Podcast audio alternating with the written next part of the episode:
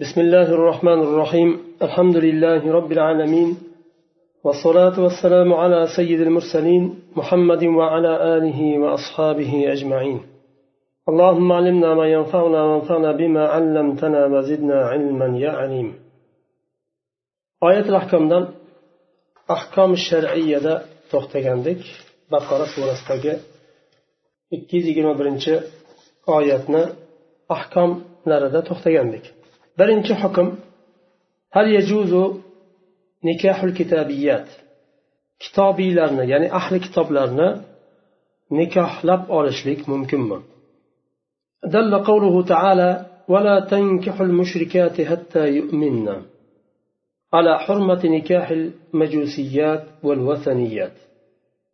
الله تعالى ولا ولا تنكحوا المشركات حتى يؤمنن mushrika ayollarni nikohlaringga olmanglar hatto ular iymon keltirmagunicha bu oyat dalolat qildiki majusiylar majusiy xotinlar ayollar va vasaniy mushrik ayollarni nikohiga olishlik mumkin emas musulmon kishi وأما الكتابيات فيجوز نكاحهن لقوله تعالى في سورة المائدة وطعام الذين أوتوا الكتاب حل لكم وطعامكم حل لهم والمحصنات من المؤمنات والمحصنات من الذين أوتوا الكتاب إذا آتيتموهن أجورهن محصنات غير مسافحات ولا متخذي أخدان آية دواما أما كتابي أهل كتاب لنا ayollari bo'lsa ularni nikohlab olishlik joiz alloh taolo moyda surasida aytyapti Ahli kitoblarni taomlari sizlarga halol qilindi va sizlarni taomlaringiz ularga e, halol qilindi. Demak ahli kitoblarni taomlari bizga halol qilindi va bizni taomimiz ham ularga halol qilindi. Va mo'minalardan bo'lgan muhsanat iffatini saqlagan iffatini buzmagan saqlagan mo'minalardan bo'lgan ayollar va ahli kitoblarni afifa iffatini saqlagan ayollarni nikohlaringga olsanglar bo'ladi deb alloh taolo moida nimasida surasida izn berdi. Agar ularni nimasini e, o'talsa bu mahrlar. Ay al afifat min ahli kitob bu val muhsonatu min alladina utul kitobdan murod ahli kitoblardan bo'lgan afifa ayollar ya'ni iffatini saqlagan ayollar وهذا قول جمهور العلماء وبه قال الأئمة الأربعة bu jumhur olimlarni so'zlari va buni to'rt mazhabni ham so'zi shu وذهب ابن عمر رضي الله عنهما إلى تحريم نكاح الكتابيات وكان إذا سئل عن نكاح الرجل النصرانية أو اليهودية قال حرم الله تعالى المشركات على المسلمين ولا أعرف شيئا من الإشراك أعظم من أن تقول المرأة ربها عيسى أو عبد من عباد الله تعالى عبد الله بن عمر رضي الله عنهما aytadilar u kishini mazhablari ahli kitoblarni ahli kitoblardan uylanishlik mumkin emas agar biror kishi so'rab qolsa ibn umar roziyallohu anhudan nasoralardan yahudiylardan uylansa bo'ladimi deb so'rab qolganda u kishi aytardilarki alloh taolo musulmonlarga mushriklarni harom qildi men bir xotin robbisi iso ekan deb tan olganini yoyinki allohni qullaridan bir qulni robbim degan ayoldan ko'ra katta shirkni bilmayman deydilar وإلى هذا ذهب الإمامية وبعض الزيدية وجعلوا آية المائدة منسوخة بهذه الآية نسخ الخاص بالعام إمامية مذهبية بو شيعة لردن بگن إمامية مذهبي هم شو قولنا oldi va zaydiyalarni ba'zilari shu mazhabga qo'shildi ular aytdilarki moyda oyati moydadagi kelgan oyat baqarada nozil bo'lgan oyat bilan mansuh bo'lgan deyishdi ular. Ya'ni umum bilan umumni ifoda qilgan dalil bilan xususni ifoda qilgan dalilni mansuh qilindi dedi ular.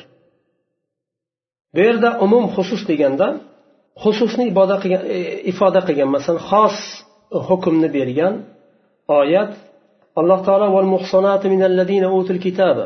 min qablikum bu nimani ahli kitoblardan bo'lgan afifa iffatini saqlagan ayollarni izn berdi. Bu xos xusus bu. Umum emas. Umumni ifoda qilmaydi bu xususni. Chunki ahli kitoblarni afifa ayollari deb sifatlar bilan qayd qilib aytilinadigan bo'lsa u xusus deyiladi. Ammo yuqorida ولا تنكحوا ولا تنكحوا المشركات ولا تنكحوا المشركات حتى يؤمن bu umum bo'ldi mushrik deganda ahli kitoblarni ham shirk keltiradiganlari shu mushrik degan nimani ostiga kirib ketadi shu yuzdan umumni ifoda qilgan dalil bilan xos dalilni nasx qilindi deyishdi hujjatul jumhur endi jumhur ulamolarni mazhablarni hujjati احتج الجمهور بأن لفظ المشركات لا يتناول أهل الكتاب لقوله تعالى ما يود الذين كفروا من أهل الكتاب ولا المشركين وقوله لم يكن الذين كفروا من أهل الكتاب والمشركين فقد عطف المشركين على أهل الكتاب والعطف يقتضي المغايرة. فظاهر لفظ المشركات لا يتناول الكتابيات. Jumhurni birinchi dalili. Jumhur ahli kitoblarni afifa ayollariga uylansa bo'ladi dedi. Ahli kitoblar bilan mushriklarni ajratdi o'rtasini. Mushriklarga uylanib bo'lmaydi mushrika ayollarga uylanib bo'lmaydi lekin ahli kitoblarni afifa ayollariga uylanib bo'ladi dedi. Va abdulloh ibn umar roziyallohu anhu bilan va ba'zi nimalar mazhablar e, imomiya va zaydiya ular aytdi mushrik deganda nasroniy va yahudiylardan bo'lgan allohni yakka demaganlar uzayrni isoni iloh deganlar ham mushrik safiga kiradi va ularga uylanib bo'lmaydi degan hukmni chiqarishdi. Buni endi jumhur dalil keltiryapti. Mushrik bilan kitobiylarni ahli kitoblarni o'rtasida farq bor ekaniga dalil keltiryapti. Mushrikat degan lafz ahli kitobni o'zini ichiga olmaydi chunki alloh taolo qur'onda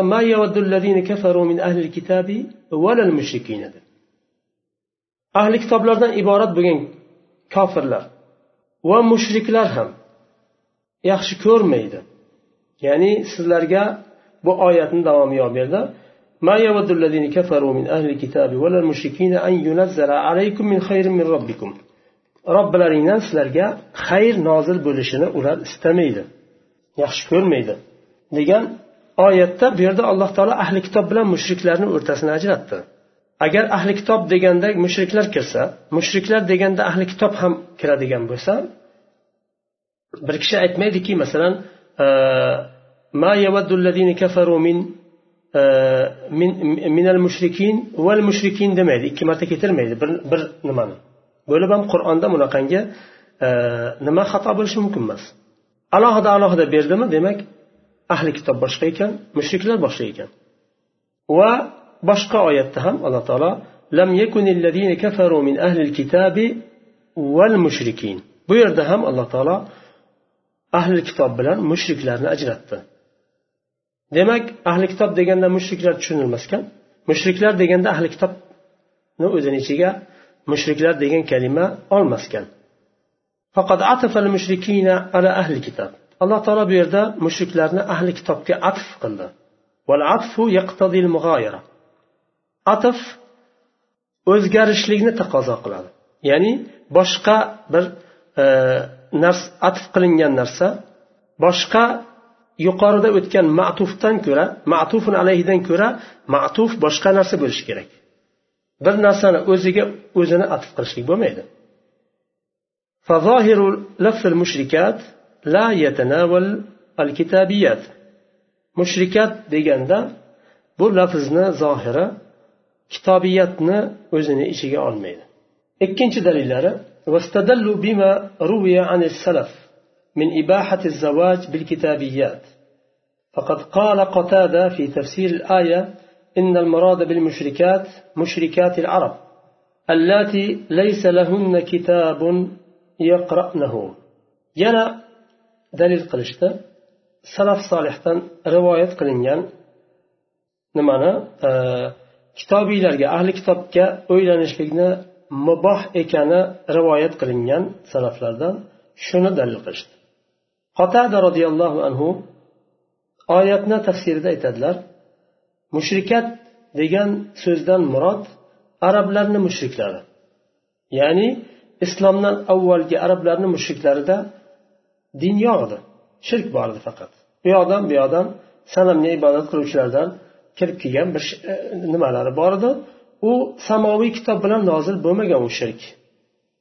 Mushriklarni oldingi islomdan avvalgi arablarni arablarga kelib kelgan bu butlarga ibodat qilishlik nima bilan samoviy kitob bilan nozil bo'lmagan mushrikat arab allati laysa lahunna kitabun yaqra'nahu ular o'qiydigan bir kitob bo'lmagan nima mushrika ayollar وعن حماد قال سألت إبراهيم عن تزويج اليهودية والنصرانية فقال لا بأس به فقلت أليس الله أليس الله تعالى يقول ولا تنكح المشركات؟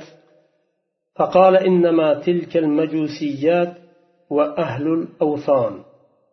حماد رحمه الله تعالى من إبراهيم يهودي و nasroniy ayollarga uylanish haqida لا بأس به ديدلر dedilar zarari yo'q dedilar ya'ni uylansa bo'ladi aytdimki alloh taolo mushriklarni nikohlaringga olmanglar demadimi deb so'raganlarida aytdilar ular majusiylar va vasan butparastlar dedilar uchinchi dalillari وقالوا لا يجوز أن تكون آية البقرة ناسخة لآية المائدة لأن البقرة من أول ما نزل بالمدينة والمائدة في من آخر ما نزل والقاعدة أن المتأخر ينسخ المتقدم لا العكس aytdilarki baqaraning oyati moidani oyatini nasx qilishligi mumkin emas dedilar nima uchun chunki baqara madinada birinchi bo'lib nozil bo'lgan sura edi va moida bo'lsa eng axir nozil bo'lgan suralardan qoida shunday qoida keyin nozil bo'lgan dalil oldin o'zidan oldingi dalilni mansux qilishi mumkin lekin uni aksi bo'lmaydi. واستدلوا بما روي عن حذيفة تزوج يهوديا فكتب إليه عمر خل سبيلها فكتب إليه أتزعم أنها حرام فأخلي سبيلها فقال لا أعلم أنها حرام ولكن أخاف أن تعاطوا المومسات منهن to'rtinchi dalillari huzayfa roziyallohu anhu bir yahudiy ayolga uylandilar. U kishiga u kishiga umar ibn hattob roziyallohu anhu xat yozdi talog'ini bering deb xat yozdi. Qo'yib yuboring deb xat yozdilar. Shunda huzayfa roziyallohu anhu umar ibn hattob roziyallohu anhuga yozadilar uylanishlik harom deysizmi? Agar shunday desangiz qo'yib yuboray deb xat yozganlarida umar ibn hattob roziyallohu anhu yozadilar harom ekanini bilmayman lekin e, mumisat ya'ni afifa bo'lmaganlarini ga uylanishingizdan qo'rqaman deydilar. Iffatini saqlamagan ayollarga uylanishingizdan qo'rqaman deydilar. Chunki ularda din saqlanib qolmagani uchun dinini faqat otib qolgan balkim afifadir balkim afifa emasdir ya'ni afifa bo'lmagani tushib qolmasin bittalaringga deb qo'rqaman deganlar فدل على أن عمر فعل هذا من باب الحيطة والحذر لا أنه حرم نكاح حرم نكاح الكتابيات bu dalolat qiladiki umar ibn hattob roziyallohu anhu ehtiyot bobidan va hazar bobidan buni qildilar ya'ni qo'yib yuboring dedilar harom bo'lgani uchun emas. Ya'ni ahli kitoblarga uylanishlik harom bo'lgani uchun emas. كينج دليل واستدلوا بالحديث الذي رواه عبد الرحمن بن عوف عن رسول الله صلى الله عليه وسلم أنه قال في المجوس سنوا بهم سنة أهل الكتاب غير ناكحي نسائهم ولا آكل ذبائحهم فلو لم يكن نكاح نسائهم جائزا لم يكن لذكره فائدة عبد الرحمن بن عوف رضي الله عنه رسول الله صلى الله عليه وسلم رواية قلجان حديثلرنا دليل قلدار rasululloh sollallohu alayhi vasallam aytdilar majus xususida aytdilarki ahli kitoblarga qilingan muomalani qilinglar dedilar majuslarga nisbatan faqat ularni ayollariga o'ylanmanglar va so'ygan nimalarini jonliqlaridan yemanglar dedilar. Agar ahli kitoblarni ayollariga o'ylanishlik nikohiga olishlik joiz bo'lmaganda buni alohida zikr qilishlikda hech qanday foyda yo'q edi. Ahli kitoblarni muomalasini qilinglar. Ahli kitoblar bilan qanday muomala qilsanglar shunday muomala qilinglar deyilardi xolos. Lekin rasululloh sollallohu alayhi vasallam ayollarni nikohga olmagan nikohlaringga olmagan holda va so'ygan jonliqlaridan yemagan holda deb uni ta'kidladilar demak majusni farqi ahli kitob bilan suyilgan ular suygan nimadan jonliqdan yeyilmaydi va ularni ayollarga o'ylanishga islom izn bermaydi. قال الطبري بعد سرده للأقوال وأولى الأقوال بتأويل الآية ما قاله قتادة رضي الله عنه من أن الله تعالى ذكره عنا بقوله ولا تنكح المشركات من لم يكن من أهل الكتاب من المشركات وأن الآية عام ظاهرها وخاص باطنها لم ينسخ منها شيء. وأن نساء أهل الكتاب غير داخلات فيها.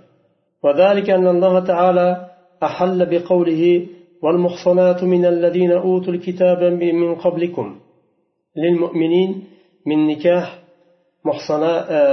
محصناتهن مثل الذي أباح لهم من نساء المؤمنات. وقد روي عن عمر أنه قال المسلم يتزوج النصرانية ولا يتزوج النصراني المسلمة وإنما كره عمر لطلحة وحذيفة نكاح اليهودية والنصرانية حذرا من أن يقتدي بهما الناس في ذلك فيزهدوا في المسلمات. أو لغير ذلك من المعاني فأمرهما بتخلي بتخليتهما إمام قرطبي طبري رحمه الله aytadilar eng tafsir qilishga ya'ni tafsirlikda eng nima avlo so'z imom qotada roziyallohu anhuni so'zlari deydilar bu oyatni tafsirida eng avlo so'z imom qotada roziyallohu anhuni so'zlari deydilar vala tankahul mushrikat deganda ahli kitoblardan bo'lmagan mushriklar mushrik ayollar nazarda tutilindi. Oyatning zohiri om umumni ifoda qiladi va botini xususni ifoda qiladi. Bundan hech bir narsa mansux qilinmagan. Oyat mansux bo'lmagan. Va ahli kitoblarni ayollari bu oyatni ostiga kirmaydi hukmiga kirmaydi. Mushrikat deganda ahli kitoblarni ayollari kirmaydi buni ichiga. Chunki alloh taolo ularni deb izn berdi. Nimada? Moida surasida. Ularni ya'ni mo'minlar demak ularni e, muhsona bo'lgan afifa bo'lgan iffatini saqlagan e, ayollarini o'zlarini nikohlariga olishlari mumkin ekan demak. Shuningdek mo'mina ayollardan ham alloh taolo izn berdi uylanishga. Ya'ni mo'minlarga mo'minalardan uylanishga izn berganidek nasroniya ahli kitoblardan ham uylanishga izn berdi alloh taolo. Umar ibn hattob aytadilar musulmon kishi nasroniy ayolga uylanadi lekin nasroniy erkak muslima ayolga uylanmaydi deydilar. Va umar ibn hattob talha va hudayfa roziyallohu anhu ahli kitoblardan o'ylanganlarida karih ko'rganlarini sababi u kishi odamlar bularga ergashmasin chunki ular sahobiylar. Rasululloh sollallohu alayhi vasallamning sahobalari odamlar ergashmasin deb qo'rqib yahudiy nasorolarga uylanadiganlar ko'payib ketmasin muslimalarni qo'yib degan ehtiyot bilan ularga izn bermaganlar. Talog'ini bering qo'yib yuboring deganlar. yoyinki bulardan boshqa bir sabablar ham bo'lishi mumkin umar ibn hattob roziyallohu anhu o'zlari e, o'ylagan tushungan bir boshqa bir nima e, sababi ham bo'lishi mumkin shayx rahimalloh aytyaptilar aqul rahimallohu umar فقد كان ينظر إلى مصالح المسلمين ويسوسهم بالنظر والمصلحة وما أحوجنا إلى مثل هذه السياسة الحكيمة alloh taolo umar roziyallohu anhudan rozi bo'lsin rahmatiga olsin. U kishi musulmonlarni foydasiga qaradilar ummatni foydasini ko'zlab ummatni yetaklardilar yasusuhum ya'ni boshqarmoq siyosat qilmoq. Bugun shunaqangi bir hakim siyosatga qanchalik bizni hojatimiz bor deyaptilar. Shu yerda bo'lmasam to'xtaymiz. سبحانك اللهم وبحمدك أشهد أن لا إله إلا أنت أستغفرك وأتوب إليك.